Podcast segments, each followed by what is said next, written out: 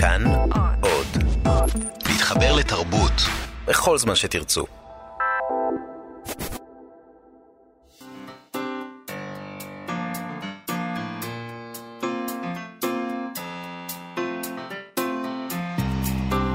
מה שכרוך עם שירי לב-ארי וענת שרון בלייס.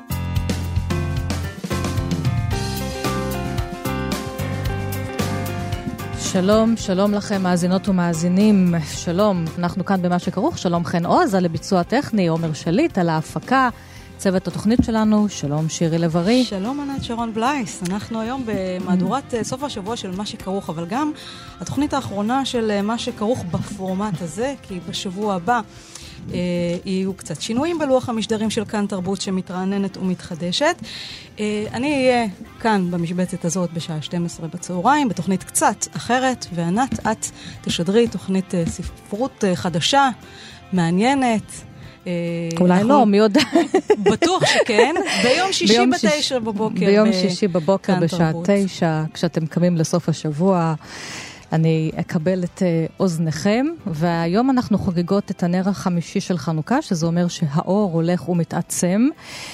והשבוע בכאן תרבות, כל השבוע הוא בסימן מרד, וכל חברינו וחברותינו, השדרים והשדריות, משדרות ומשדרים דברים שעוסקים במרד, אולי חלקם מורדים ולא משדרים, ואנחנו מצרפות אלינו השבוע כמה כותבים.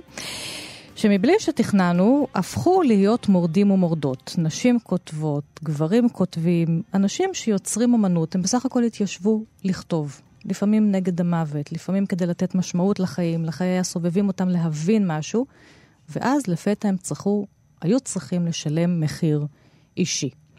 אז אה, נדבר על המרד הזה ועל הכוח שהוא נותן ועל המחירים שהוא גובה. לפני זה, ענת, הזכרת שאנחנו בנר החמישי אה, של חנוכה, ואני רוצה לקרוא פסקה קטנה אה, מתוך מאמר של אה, לוינס, עמנואל לוינס, הפילוסוף היהודי-צרפתי, אה, מופיעה בספר אה, חירות קשה, הוא מדבר על חנוכה. הוא כותב כך, שמונה ימים זהרו נרות חנוכה בבתי היהודים. האור uh, התפשט, רגע, אני אעבור לטקסט עצמו, כי אני בתוך uh, uh, אייפון, אז עכשיו אני uh, בטקסט עצמו. האור uh, התפשט באיטיות, בריתמוס של uh, משפט מוסיקלי העולה בקרשצ'נדו. נר אחד בערב הראשון, שני, שני נרות בערב השני, שלושה למחרתיים, וכך הלאה, עד לזוהר הניצחון של היום השמיני, עד הלילה הנפלא והמסתורי העתיד לאפוף את החנוכיה לאחר ההערה הסופית הזאת. אף האור הזה, הגובר ומתעצם, שונה מן האש המ- המלהטת את הבית. זו מאירה ומחממת את חוג המשפחה. הלהט שבבית, אפילו הוא מסביר פנים לעוברים ושבים שהוא מזמין, מבשר את השמחות שאדם תואם בביתו. מאחורי הדלתות הסגורות האלה, הנרות, נרות החנוכה, מאירים את החוץ. אל, לעומתם, מאחורי הדלתות הסגורות האלה, נרות החנוכה מאירים את החוץ. כן, כי שמים אותם על החלון. כן, זהו. לוינס מדבר על היופי הזה, שבניגוד לאש ולחום שיש בתוך הבית, נרות החנוכה כמצווה מכוונים אל החוץ. והמסר שהם נושאים איתם ככאלה הוא מסר אוניברסלי של להפיץ את האור מבפנים החוצה. הוא מדבר על חג החנוכה שחוגגים היהודים לאורך שנים כחג היסטורי, חג של ניצחון המעטים על רבים, על האתוס הזה של אה, הזדהות עם החלש והפיכת החלש לחזק. הוא אומר, רגע, רגע, אל תיסחפו רק בעקבות הנס הזה. יש עוד נס, וזה הנס של המבט שלנו החוצה, אל הזולת, אל האחר, אל מה שקורה סביבנו. וזה קצת, ענת, אה, ייקשר אה, למה שנדבר עליו בהמשך התוכנית, למרידות והמורדים השונים, ובעיקר למורדת הסופית שאיתה נחתום את התוכנית, והיא כן. רוזה לוקסמבורג, שכל חייה הלא ארוכים אה, עסקה באחר ובחמלה באחר. האנושית הזאת, אז ככה, כל זה הסופרים לוינס על שלנו, חנוכה. אנחנו נפנה היום דווקא את פנינו לטורקיה, נעלה לשכנה שלנו, ותלווה אותנו כאן היום חברתנו דוקטור קציעה אלון, שמלווה אותנו בתוכניות רבות, לא, כבר עוד מימי כל ישראל, וגם היום אה, לא תכננו את זה, אבל יצא לך להיות איתנו בתוכנית, אה, תוכנית הפרישה. אז שלום דוקטור קציעה אלון, ואת ממליצה לנו הרבה פעמים על ספרים שלא תמיד מגיעים לכותרות ולא זוכים לביקורות בעיתון, והפעם שניים מהם שאנחנו ניגע בהם היום של כותבים טורקים, אחד גבר, נתחיל עם הגבר, השנייה, ספר השני של אישה. וזה פשוט באמת מקסים. אני לפעמים מחכה עם הספרים האלה, כי זה לא בדיוק מתאים לתוכניות, ואז כשאני מגיעה אליהם אני אומרת, וואו, איך לא קראתי אותם כששלחת לי אותם לפני כבר חודשיים, שלושה. אז באמת שני ספרים מקסימים, כל אחד מהם אה, מהסופרים שילם מחיר על כתיבתו, הוחרם, הוגלה, ישב בכלא, סתם נעצר לכמה ימים של עינויים. אה, אולי טורקיה בקצרה, לאחר, לאורך המאה ה-20, עם התמוטט השלטון העות'מאני, הקמת הרפובליקה הטורקית הראשונה בראשות מוסטפא כמאל אטאטורק. מה שנראה שיהפוך לדמוקרטיה, לא בדיוק הופך לדמוקרטיה עליזה, ועל הרקע הזה כותב הסופר סבתין עלי, שקובץ סיפוריו זאב וכבש, בתרגום שרון שדרה, אור בעברית, בהוצאת uh, גוונים. אנחנו לא, כותבים... עומד לראות אור. עומד, עומד לראות אור. בהוצאת גוונים, שאגב, ככה בכוכבית קטנה, אני מוסיפה שההוצאה הזאת כבר מסיימת את פעילותה למרבה הצער. כן. סיבות אה, כלכליות ופרישתה של דווקא מריצה. דווקא זה, זה הספר השני שלנו שיצא בגוונים, בגוונים. זה טנטה רוזה, שנדבר עליו. בהמשך. נכון. הסופר כותב בשנות ה-30 וה-40 וה-50, גם על רקע מלחמת העולם השנייה, גם על רקע מה שאמור להיות דמוקרטיה. והנה, יום אחד עוצרים אותו משליכים אותו לכמה ימים של עינויים ותשאולים, מה הוא כבר עשה? שתכף נדבר, שמובאים בסיפור זאב וכבש. באמת, אני מושכת חוט מן הדברים שלך, ואת uh, הטלת זרקור על אחד הסיפורים המזעזעים בספר הזה, שעומד לראות אור באמת. ספר שמתאר את עינויו, uh, סיפור שמתאר את עינויו בכלא. והמקום הזה, שבו כמובן ברטרוספקטיבה, הוא מצליח ממש לפרק למרכיבים את כל התהליך הפסיכולוגי, הנפשי, המזעזע שעובר על אדם הנתון תחת לחץ פסיכולוגי ופיזי בלתי נסבל ממש. אני חושבת שזו פנינה ספרותית שנמצאת בספר. אכן, סבתין עלי נולד ב-1907 ונפטר, לא נפטר, נרצח ב-1948. פשעו הגדול, כפי הנראה, היה ההתנגדות שלו למשטר הסמי-דיקטטורי שהנחיל אטאטורק, עם כל הטוב שהוא עשה, ובוודאי אטאטורק אה, נקט בשיטות דורסניות ביותר, ולא היה סובלני כלל לביקורת. בכל הקובץ הזה אפשר לראות את הרגישות החברתית המאוד מאוד גדולה של סבתין עלי, ואת החשיפה של הצביעות ושל ה, אה, לפעמים תאוות בצע על חשבון האומללים, הוא לא, לא נכון. בכלל מתבייש להראות את הרופאים ברגעים מאוד מכוערים שלהם. ש... הרופאים שאמורים להציל חיים, נכון, ועל איזה קטנוניות. נכון, ועל ו... תאוות בצע ורצון לכסף. וגם השוטרים שעוצרים אותו, אני אקרא איזשהו mm-hmm. קטע קצר, השוטרים, עליבותם של האנשים הללו, שחירותי ואפילו חיי בידיהם. העצימה את תחושת הגאווה שלי, הוא יושב שם במעצר ו- ו- ולא נותנים לו ללכת לשום מקום, והוא פשוט מסתכל עליהם, ובשלב מסוים, כשהוא רואה את השוטרים, את הפקידים האלה ואת ההתנהגות, הוא מרגיש גאווה. באותם ימים סיפקו להם מדים, מעילים, כובעים, נעליים. רק על זה הם דיברו. אחד מתלונן שהנעליים לא, לא, לא טובות, השני מקלל את החייט שתפר לו את המעיל, וחברם סיפר שהוא מכר את הכובע שנתנו לו, והוסיף סכום כסף והוא קנה כובע טוב יותר. כולם מתלוננים על המנגנון שעובדים בשירותו, על הממשלה ועל ההתנהלות העניינים במדינה. אלה האנשים שעוצרים אחרים שמתלוננים. ואז הם אומרים, אתה לא כותב נגד הנבלות האלה, אתה הסופר, למה אתה לא כותב?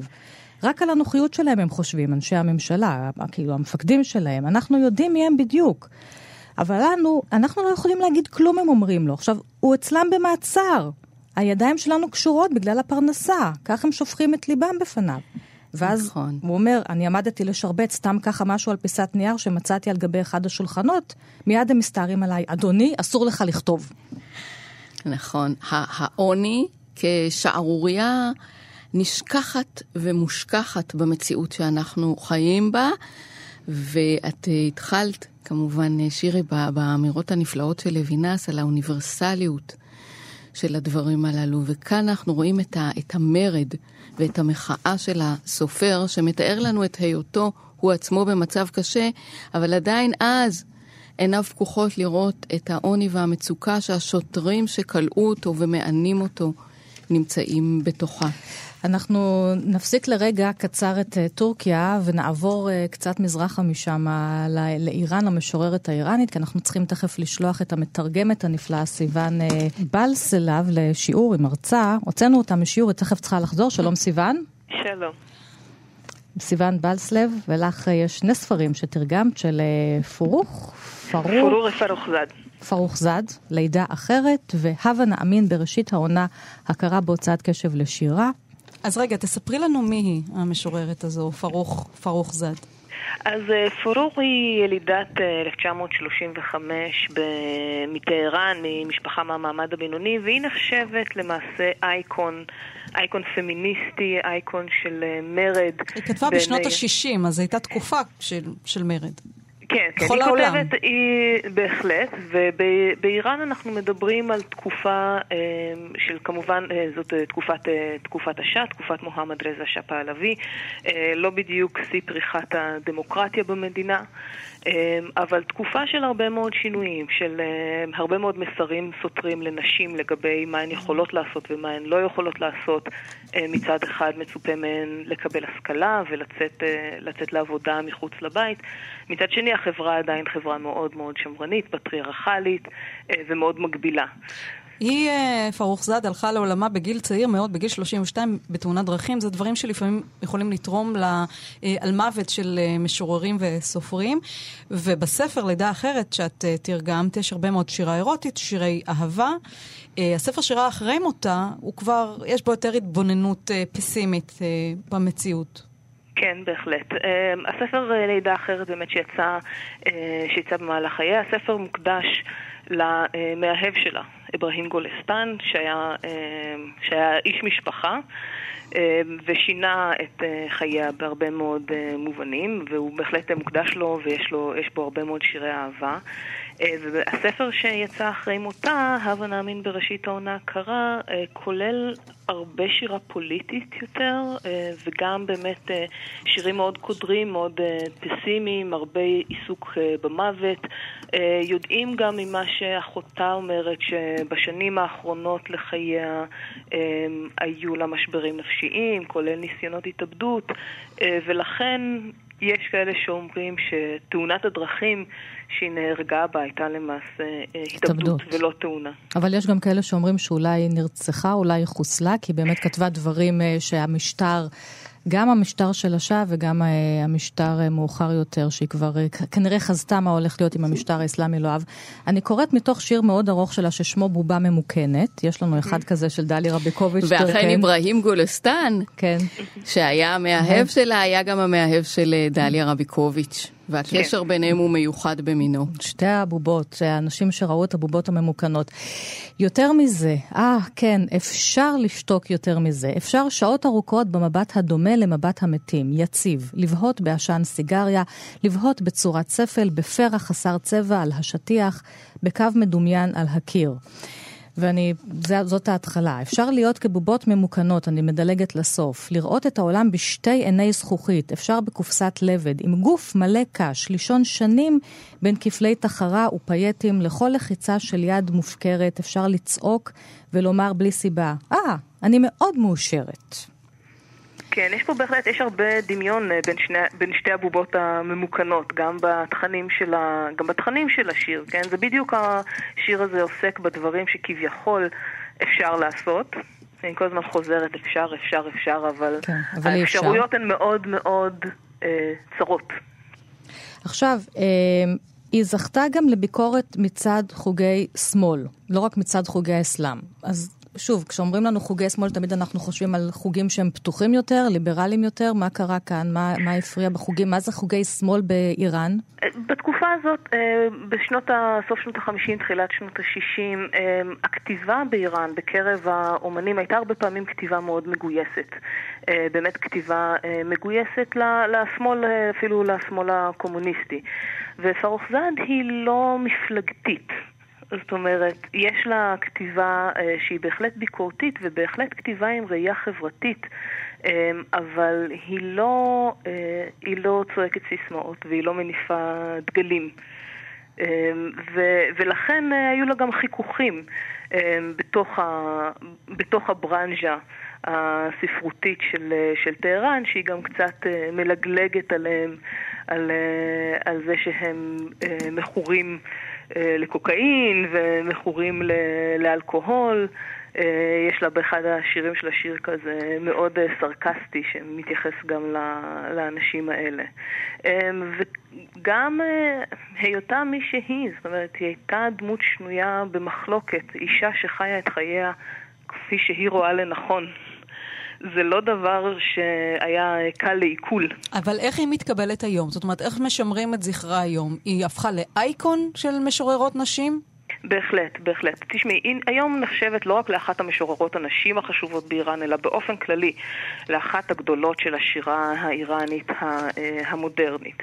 אמ, אני זוכרת אה, שמישהו סיפר לי שאפילו אה, נשים למשל שנכנסו לכלא בעקבות פעילות פמיניסטית בפרויקט מיליון, בקמפיין מיליון החתימות, היו קוראות בכלא את, ה, את השירה של פרוחזד. אז היא בהחלט, אומנם לא משהו שמקודם מן הסתם על ידי הרפובליקה האסלאמית, אה, אבל היא בהחלט יש לה מקום מאוד מאוד מרכזי, יש לה גם מקום מאוד מרכזי במחקר. על אה, ספרות איראנית, יש עליה לא מעט אה, ספרים שנתפרסמו, ספרים מחקריים, והמקום שלה לצד כל שאר המשוררים והמשוררות הגדולות של, אה, של איראן מובטח בהחלט. אבל הם מפרסמים אותה היום, בתקופה של השלטון האייתולות? למרות שהוא קצת התרכך? אני לא לגמרי משוכנעת לגבי איך זה היום היום. הייתה תקופה שהשירים שלה נאסרו לפרסום, כמובן, מה שהפך אותם לרק הרבה יותר כן. פופולריים. אה, אני לא בטוחה אם האיסור הזה הוסר היום או לא, אבל אה, כן, היא הייתה בהחלט אה, נאסרה לפרסום, לפחות בשנים הראשונות של הרפובליקה. אני רוצה להוסיף שהיא הייתה גם קולנוענית מאוד מוכשרת. מאוד מוכשרת. ואפשר למצוא את הסרט שלה, הראשון, שהוא פיוטי בצורה בלתי רגילה, באוזן השלישית, נקרא הבית הוא שחור, וזה סרט שהוא מתאר מושבת מצורעים. אמיתית באיראן. אמיתית, אמיתית באיראן, היכולת שלה לטפל בחומרים קשים מאוד, בצורה אה, מפעימה ממש, עם פסוקים מהתנ"ך, עם אה, ממש הוד והדר דתי, ומדובר באמת, היא מראה לנו עיוותי גוף נוראים. והשילוב הזה, אני בעיניי זה אחד מה... מה שהיום אנחנו קוראים וידאו פואטרי. הראשונים שבכלל, אפשר לומר, המציאו את הז'אנר, הסרט הזה הוא כל כך... אה, חריג ומפעים. כן, הוא מבשר ממש, אתם אומרים שהוא אחד המבשרים של הגל החדש בקולנוע האיראני. נכון, גם נכון, uh, לציין נכון. שאחר כך היא אימצה ילד uh, מתוך אותה מושבת מצורעים. היה לה ילד uh, מאומץ, הוא היום, uh, הוא היום חי בגרמניה. אז uh, אנחנו רק נקרא ככה כמה uh, פסוקים מהווה נאמין בראשית העונה הקרה, שזה הספר uh, שיצא כבר אחרי uh, מותה. סיוון, את uh, תרגמת. אני יודעת את סוד העונות ומבינה את דבר הרגעים. המושיע ישן בקברו, והאדמה, האדמה המקבלת, היא סימן למנוחה. הזמן עבר והשעון היכה ארבע. פרוך, פרוך זד, המשוררת האיראנית, שכתבה בשנות ה-60, הלכה לעולמה בגיל צעיר, ועכשיו uh, ספר, uh, שני ספרים, ראו אור בעברית, בתרגומך סיוון בלסלב. אז תודה רבה שהבאת אותה אלינו. תודה. בשמחה רבה. להתראות. תודה רבה לך. להתראות. נשמע קצת את uh, מורי נהדר עם הפיוטים שלה.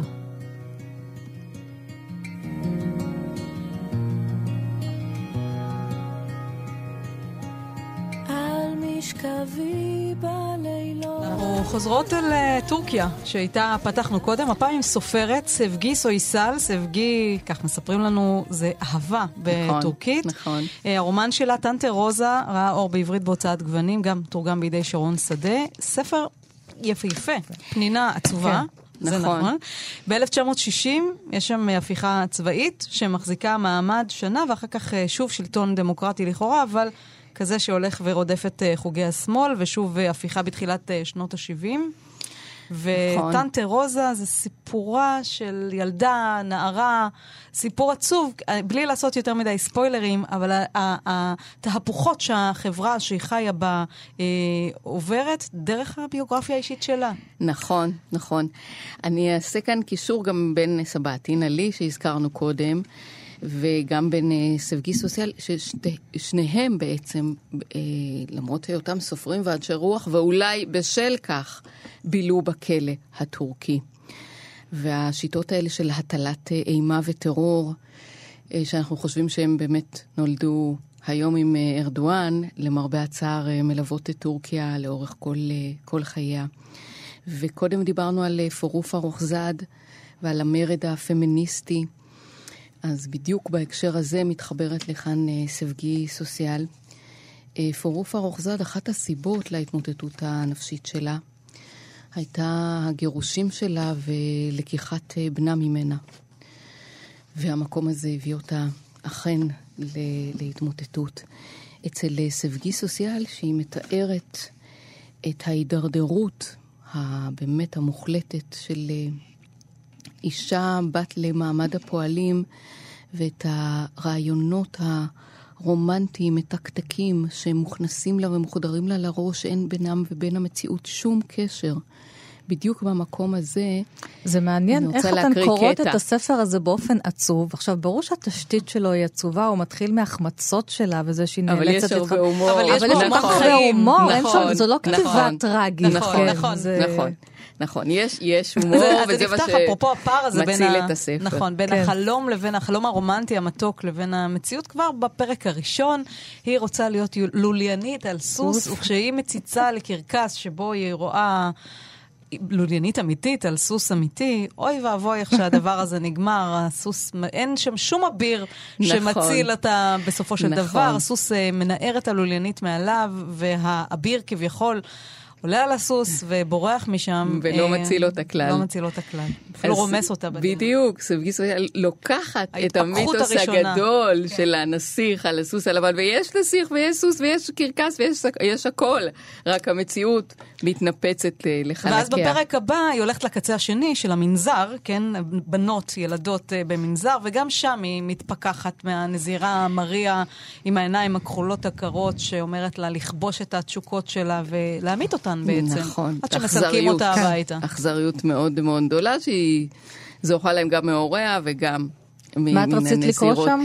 כן, אני רציתי לקרוא אה, קטע קטן שבאמת ככה שנחוש ב, במרקם הלשוני והתרבותי-חברתי של אה, סבגי סוסל שלה כותבת, ובספר הזה. טנטה רוזה נכנסה להיריון. טנטה רוזה נכנסה להיריון מהאנס. היא נכנסה להיריון מיד כששכבה איתו. ממש כמו בכל אותם רומנים רומנטיים נחותים שמתפרסמים בשבועון בינינו, וחשבה שהדברים שכתובים שם נכונים. היא חשבה שהם נכונים. וכדי שלא תהיה לנערה מחוללת במשפחתה ותלד ממזר עלוב נפש, כמו אותן נערות ברומנים של השבועון בינינו, התחתנה עם האנס. ואז היא הופכת להיות אימא במטבח שמגדלת לילדים וחולצת שד ומסתובבת בחלוקים וביום ראשון אה, צריכה לקיים יחסי אישות עם הבעל האלים שלה ואז יום אחד, והנה המעשה הפמיניסטי.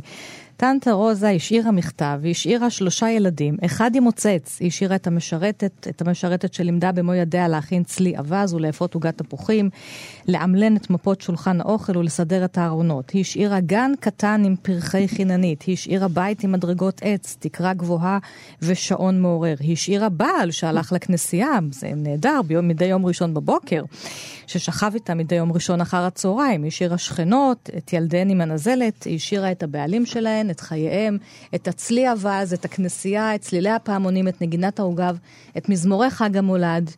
היא השאירה את שדה השמאלי שחסם את החור בזגוגית שפער כדור השלג שהשליכו הילדים השווים.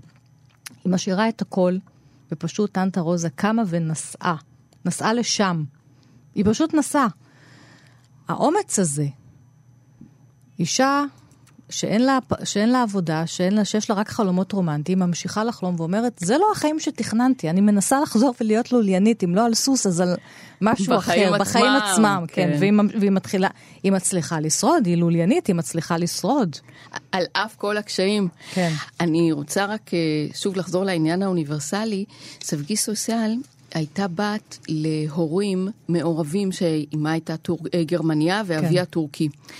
והספר בסופו של דבר מדבר על גרמניה. וגם זה מהלך שהוא בעיניי הוא מדהים, היכולת שלה לחדור אל הנפש של האישה בבוואריה, בגרמניה, ממעמד נמוך. סבגיס אוסל בעצמה הייתה טורקיה. וכאשר שאלו אותה באמת מהיכן שאבת את, ה, את הרעיונות לסיפור הזה, היא ציינה אכן את הדודות שלה מן הצד הגרמני שלה. ואני חושבת שמה שאנחנו מקבלים כאן בספר הזה זה באמת אה, דיוקן מיוחד במינו, שמאחד הן בפן המאוד פרטיקולרי שלו של אה, נשים גרמניות ממעמד נמוך בשנות המצוקה הכלכלית בתחילת המאה של אה, גרמניה, אבל גם נשים טורקיות וגם נשים באשר הן. הרי המקום הזה שאת תיארת, ענת, של ללכת, לעזוב בית עם שלושה ילדים, לעזוב את הבעל. היא מתארת זה... את כל החפצים, את כל פנטזיה, הרכוש, כן. כן, פנטזיה אוניברסלית. של, אז, של נשים. של נשים. וסוסיאל, אגב, כתבה את זה, פרסמה את הספר לפני 50 שנה, ב-1968, ובשנות ה-70 היא נאסרה בגלל התכנים שכתבה. ואפילו בשלב מסוים אה, הוגלתה. אז מה בסיפורים האלה היה בו כדי לאיים על השלטון? אני חושבת שזה לא, לא רק בטנטה רוזה, שאגב, באמת, בשנות אה, פרסומו הראשונות אה, לא קיבל את התהודה שהוא ראוי לה, כפי שאתן בעצמכן אמרתם שאתם נדהמתם ונפעמתם פשוט אחד מהסיפור... הספרים היפים נכון, שקראתי בחודשים האחרונים. נכון. שוב, טנטה רוזה, הוצאת גוונים, תרגום שרון שדה. שמעו נכון. אותנו, לכו, חפשו אותו. אנחנו נוציא אותו עכשיו שוב גם בהוצאה מחודשת. וכשנסעתי לטורקיה לפגוש את הסוכנת של אה, כל הזכויות היוצרים של סבגי סוסיאל, היא אמרה לי שבטורקיה יש לה עכשיו התחדשות מפוארת. עם ומעריצים, כן, בדיוק, המתנגדים.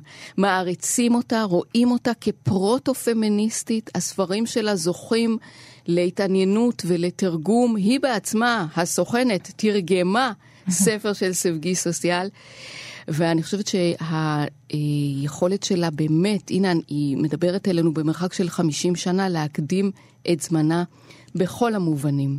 בכל המובנים. אז קלאסיקה פמיניסטית בעיניי אה, טורקית. למרות שבאחד המקומות, הפרקים שבהם היא אה, עובדת כקופאית בבית בושת, כן. וגם משם היא מסולקת, כי מתי שזה גבר שמוצא חן בעיניה, והיא נכנסת איתו לאיזה חדר, ואומרים לה, סליחה, סליחה, עברת את הגבול, את רק כן. גובה כסף. כן, היא מבינה לא שגם פה כן. יש היררכיה. היא אומרת, אני מהפכה עלובה, התקוממות מגוחכת. והסיום של הספר, זה מה שאני אומרת, שאגב הטרגיות, אבל עם ההומור, הסיום של הספר, שבו למרות שטנטה רוז, היא, היא שמה קץ אה, לחייה, אה, הסופרת, אבל לא כותבת עליה באיזה אופן טרגי. הרשויות מוצאים, אה, מוצאים את הכתובת של הילדים, אותם ילדים שנטשו. הם כמובן לא רוצים להוציא כסף על איזה קבורה, אפשר להבין אותם. אז מחליטים לשרוף את הגופה, זה כנראה זול, הם מקבלים את הכד עם האפר, חוזרים הביתה, והנה מה שקורה, כך מסתיים הספר. אה, הילד שב הביתה, בצער מלא כנות הציב את האפר על המזנון. לימים מספרים אחד החתולים הסיאמים, הירושה היחידה מטנטה רוזה, הפך את הכד, וחברו החתול השני קפץ על ההזדמנות והשתין על האפר. ומהשריד האחרון של רוזה, תערובת השתן אפר, מישהו כתב על המזנון, טנטה רוזה, the end. צייר גם לב, והעביר בו חץ כדרך הילדים, והגיר תחתיו שלוש טיפות דם. אפשר להבין למה אהבת את הסצנה עם החתולים. ברור. כן. אבל זה באמת סיפורו הבלתי אפשרי של אישה בימים האלה בטורקיה. נכון. זה בלתי אפשרי להיות נכון. אישה, ולכן היא גם נכון. מסיימת את חייה, אבל... נכון. עם איזו קריצה. עם איזו קריצה, כן. כן, מריר אה, מצחיק, בהחלט. קצייה, את הבאתי אה, איתך לאולפן עוד, עוד שני כתבי יד אה, בתרגום לעברית במהלך אה, העבודה עליהם, אה, סופר מכורדיסטן. נכון. אה, סופר... ובכלל אפשר אולי רגע לפתוח סוגריים ולדבר עלייך ועל הוצאת גמא שאת uh, ייסדת, כי את מוציאה, את מרד ב... בפני, ב... בפני עצמך ההוצאה הזו, כי את ככה מורדת ב... בשיח, מוציאה uh, uh, כתבים וספרים שאף אחד לא ידע על קיומם, או שנשכחו והודרו. ואת מביאה אותם בחזרה אל הבמה, אל מדף הספרים. תודה רבה, אני רואה את זה באמת כמחמאה גדולה. אני חושבת שאנחנו חיים באזור שמפיק מתוכו מרגליות תרבותיות, ואנחנו כמעט ולא חשופים אליהן. ואני עכשיו כתבתי דווקא אה, מאמר קצר בכתב העת הכיוון מזרח, ועל הספרות האיראנית, קודם הזכרנו את באמת פורופה רוחזדה הנפלאה, והספרות הטורקית, והספרות הערבית, שכולנו מכירים את גורלה הבאמת... אה, לא, לא, לא נעים של הספרות הערבית הנפלאה, שבקושי, בקושי מתורגמת לעברית, ואת uh, הסוף של הוצאת אנדלוס, שעשתה מעשה חלוצי ביותר והביאה יצירות מופת שמתורגמות מערבית. ואני חושבת שזו אחת הטרגדיות של ישראל, שהיא בסופו של דבר אזור אסון לשוני, שיש בה כמויות של אנשים שדוברים ערבית ועברית וטורקית ופרסית, ואנחנו כמעט ולא חשופים ליצירות המופת בשפות הללו. אז בואי, טעימה מאוד איזושהי יצירה, נעשה כן. קצת הפסקה לשיר. מפריט אדגו, סופר טורקי לא כורדי, שבילה שנה בכפר כורדי, והוא מספר... בגלות? בסוג של גלות, גלות. הוא לא מספר את זה כן. כמובן כן. באופן אה, ישיר ובוטה, אבל הוא מספר בצורה קורעת לב על תנאי החיים באותם אה, כפרים אה, כורדים, ואני מקריאה כמה משפטים. הכיתה הוא המתייצב והופך להיות המורה בבית הספר המאולתר שם. הפעמון צלצל, הילדים נאספו בכיתה, בנים ובנות במכנסיים קרועים, בשמלות עשויות טלאים צבעוניים, באפים דולפים. הם מושכים באפים ומנגבים בגב היד, עיניהם מתרוצצות, מדברים וצועקים כל העת בשפתם, שותקים כשאני שואל בשפה אחרת. לוטשים בי בפחד עיניים תוהות. לא פוצים פה כשאני מדבר בשפה אחרת. בנים גזוזי שיער, בנות ארוכות שיער, שקינים וביצי קינים, שורצות בשורשיו. נועלים נעליים שנגזרו ועובדו מצמיגי מכוניות. אף אחד לא גורב גרביים. לחלקם אפילו אין נעליים, כלומר יחפים. יחפים אבל יחפים בשלג. ילדים יחפים עם כפות רגליים סגולות, ילדים שאין לפניהם עיפרון, מחברת, ספר. ספרתי 21 ילדים בדיוק, 16 בנים וחמש בנות נאספו בכיתה. לראשונה ראו חדר כזה. אז אנחנו עוד מעט ממשיכות איתך, נשמע עוד קצת מוזיקה, ונעבור לרוזה לוקסמבורג, רוזה אחרת. You gotta be lucky now. I was just sitting here, thinking good and bad.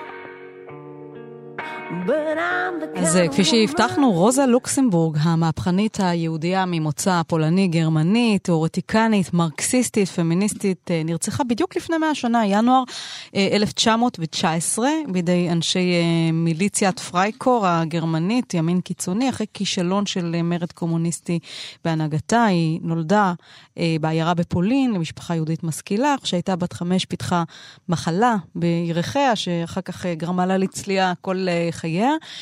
הייתה בחורה מבריקה, כבר בנעוריה למדה ארבע שפות על בוריין, אה, פיתחה חיבה למילה הכתובה והמדוברת, ופשוט נעשתה פעילה פוליטית אה, בגיל צעיר, אה, רוזה לוקסמבורג, ונמלטה מפולין לשוויץ כדי להימנע ממאסר, למדה מדעי הטבע, משפטים, כלכלה, והתנגדה למלחמת העולם הראשונה. אה, בכתביה הרבים, אחר כך אה, גם השתתפה, אחרי שנכלאה אה, למשך כמעט שנתיים וכתבה גם מכתבים מבית הסוהר, אנחנו תכף נדבר עליהם. היא שוחררה, ואז התחילה עם חבריה ושותפיה לפעול למען, מהפכה קומוניסטית בגרמניה.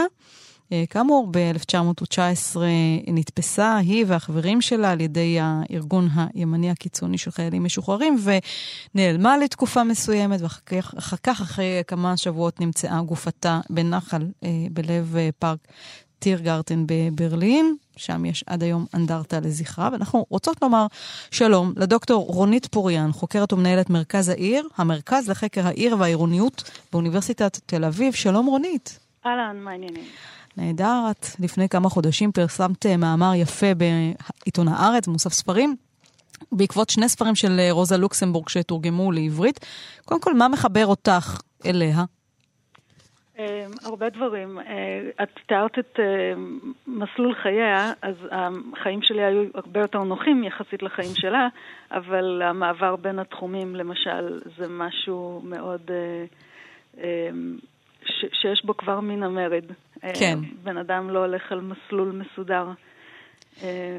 ו- ונורא חבל, זה נורא בזבזני ודורש המון מאמץ, אז למה לא, למה לעשות את כל השינויים האלה?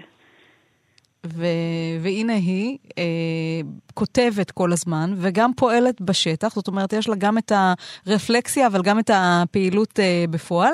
שני הכתבים שאת כתבת עליהם, אחד אה, נקרא יצורים, המלחמה ועתיד השירה, היא כתבה את זה מהכלא בברלין ב-1917, וכתבה גם את יוניוס, אה, שזה מסמך שבעצם מדבר בצורה מאוד ביקורתית על המושגים האלה של אחדות העם והגנת המולדת, ומדבר על שקרי המלחמה. המלחמה, ובכתבים שלה הרבה, הרבה אנושיות יש, הרבה דאגה לגורל האדם, היא אוהבת נופים, היא אוהבת טבע, אז גם גורל הטבע והנופים, אבל לצד החמלה, יש בה גם את הכעס, את ה... ככה חמתה בוערת בה. Mm-hmm. היא כועסת מכל הלב.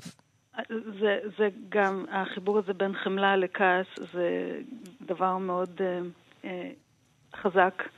אה, ולזה אני גם מתחברת. אני זוכרת שלפני יום הזיכרון או יום העצמאות אה, אירחתם באולפן את אה, שמעון לוי, נדמה לי? כן, פרופסור שמעון לוי, תיאטרון, כן. נכון, והוא דיבר בדיוק על החיבור הזה, זה תפס אותי בנהיגה ועצרתי להקשיב ל, לנקודה הזאת, והיא מאוד חזקה אצלה. באחד הספרים, הספרים, הספרים כוללים גם מכתבים שהיא כתבה לחברות. אה, אם היה אפשר היום לשמר וואטסאפים זה היה נהדר, כי גם בוואטסאפים שלנו יש הרבה שירה לפעמים. אז כן.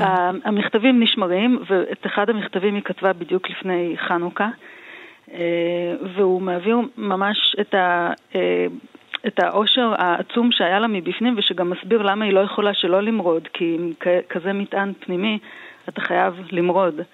ו... זה, זה את קוראת ש... לנו מתוכו, רונית, מתוך בדיוק. המכתב הזה? כן, זה מה שהכנתי. היא, היא מתחילה בתיאור בית הסוהר והעלטה וכמה הכל חשוך ונוראי, ואני אחסוך מכם את התיאור של אה, איך אה, הכל שיממון הקיום וחוסר תאכלתו עולים אה, ומהדהדים, בלילה הלך ואפל וכו' וכו', ואז מתחיל התיאור של מה קורה לה בפנים, אני שוכבת בשקט לבדי, עטופה בכל מעטפות השחור של העלטה, של השעמום ושל הריתוק הקפואים של החורף, וליבי הולם משמחה לא נתפסת, עלומה, כאילו פסעתי באח ומלבלב תחת קרני השמש. ואני מחייכת בחשיכה אל החיים, כאילו ידוע לי סוד רב קסם המזים את כזבי הרוע והעצבות כולם, והופך אותם לאור ולאושר צרופים. ובתוך כך אני עצמי מבקשת לעמוד על מקור השמחה הזאת. איני מוצאת דבר ואיני יכולה שלא להבליע חיוך למראי. כלומר, היא בעצמה מסתכלת על עצמה וחושבת אולי היא קוקו. אז מה, השיממון הזה והכלא נותן בה את הכוח ואת החיוניות לעשות דברים. נכון, אבל אה, אה, בדיוק את, ה, את החול ש, שהשומרים פוסעים עליו ושהחריקה הזאת נשמעת נורא, נורא ואיום, צורמת לאוזניים, אז היא יכולה גם לפרש אחרת. אה, מה, ש, מה שמעניין זה, אם אני לא טועה, לאה גולדברג תרגמה את המכתבים הללו, נכון? נכון. זה יצא בספריית הפועלים, גם יצאה הוצאה מחודשת לפני כמה שנים, וזה אחד הדברים הראשונים שלאה גולדברג תרגמה כשהיא הגיעה לארץ. אז גם לאה גולדברג, עוד מרדנית בפני עצמה, התחברה ללא רוזר לוקסמבורג, וזה הדבר בין, אני חושבת, אחד הדברים הראשונים שהביאה אל העברית. נכון. אה, לאה גולדברג, ממכתב, מספר שקיבלתי מאיזה חברה, אז, אז יש כאן אה, מכתב שהיא כתבה, רוזה לוקסמבורג, בקיץ. כותבת סוניה הקטנה והיקרה, היום שרב חונק ולח, כרגיל בלייפציג. זה משפט שתמיד אפשר אה, כן. תגידי, מי קרא אותה אז, כשהיא מעבר לפעילות, הדברים שכן התפרסמו? קארל קראוס קרא אותה, ובעצם כן. הפיץ את הנאומים שלה, את המכתבים כן. שלה. זה, לאיזה קהל זה הגיע? אה, זה הגיע, זה, זה, זה בדיוק השאלה, זה הגיע לאותו קהל של אה, משוכנעים אה, ש, שהבין על מה היא מדברת, ואני חושבת הרבה פעמים גם על כשהיא כתבה, היא כתבה שמה שהיא כותבת זה סוג של אנטידוט איזשהו נוגדן שאפשר יהיה להשתמש בו גם בעתיד, אה, שהיא שולחת לנו מהקבר. זה נכון. ונוכל להשתמש בו היום. אה, אז אני מסתכלת מסביב ואני רואה למשל שכל מיני אה, מודלים של כלכלה שיתופית, כמו co-living, דיור שיתופי אה, או נסיעות שיתופיות, הם... אה, דברים שהיא חשבה עליהם. גרעינים כן. שהיא, שהיא זרעה, נכון. כן, זרעים. ו- אבל האנשים שמאמצים את הטכנולוגיות ואת הדברים האלה הם, הם בדרך כלל אותו קהל של משוכנעים, אה, ודווקא אלה שהיו יכולים הכי להיעזר בהם ולצמצם את המרחק שיש בין פריפריה למרכז, הם אנשים שאנחנו מרגישים מהם ניכור, או שהם מרגישים מאיתנו ניכור, או שזה לא אנחנו והם. מה שאני מנסה להגיד זה שהרצח שלה היה מאוד אכזרי, וכשקוראים עליה אז מנסים להבין למה בעצם עשו את זה. מה, מאיפה באה כל ה... כן, למה הרגישו כל כך מאוימים ממנה? למה בדיוק, באמת? מה היא עוררה אצלם? ומה דעתך? שזה בדיוק נקודה שאני רוצה להתחיל לחקור, אה, מאיפה באה התוקפנות הזאת, למה יש עוינות ורתיעה, בדיוק מצד אה, אנשים זה לא הם ואנחנו, שוב, אני חלק מ... כן, אבל זה על רקע לאומנות. זה סוף מלחמת העולם הראשונה, ויש חזרה ללאומנות שאחר כך תלך ותתעצם לקראת המלחמת העולם השנייה, והיא קוראת לפועלי כל העולם אה, התאחדו. אישה, אז כן, יהודייה. יהודייה, אז, אז הנה, זה, חל... זה כמובן רק חלק מן ההסברים. אבל כמו כל מורדת, אז גם יש את האנדרטה בפארק וגם יש את אה, רוזה לוקסבורג סטראשה, רחוב על שמה, גדול מאוד בברלין. אה, רונית, תודה, תודה רבה לך על השיחה, וזה באמת ספר אה, מקסים, המכתבים מבית הסוהר, שגם מכיל את הדעות שלה וגם בצורה מאוד פיוטית, ממש שורות נכון. שהן שירה שם. והמתנה שהיא נותנת לנו זה באמת היכולת להתחבר לעולם עצום ולעשות חמש יחידות בספרות, זה הרבה כן. יותר מאיים ומאפשר, רדיקלי מאוד, שמאל רדיקלי, ולצאת מהרוטינות. וגם, וגם לא לשכוח את השילוב המפנט הזה של אה, חמלה וכעס, וחמאה, כן. זה יותר חמאה, שבוערת נכון. ובעצם אה, מפעילה, פועלת את פעולתה. כן. נכון. תודה, תודה רבה. אוריאן, תודה רבה. תודה, ביי. קציעה. כן, כן אני רציתי להתחבר אה, לדברים של אה, רונית, באמת בכמה וכמה אספקטים.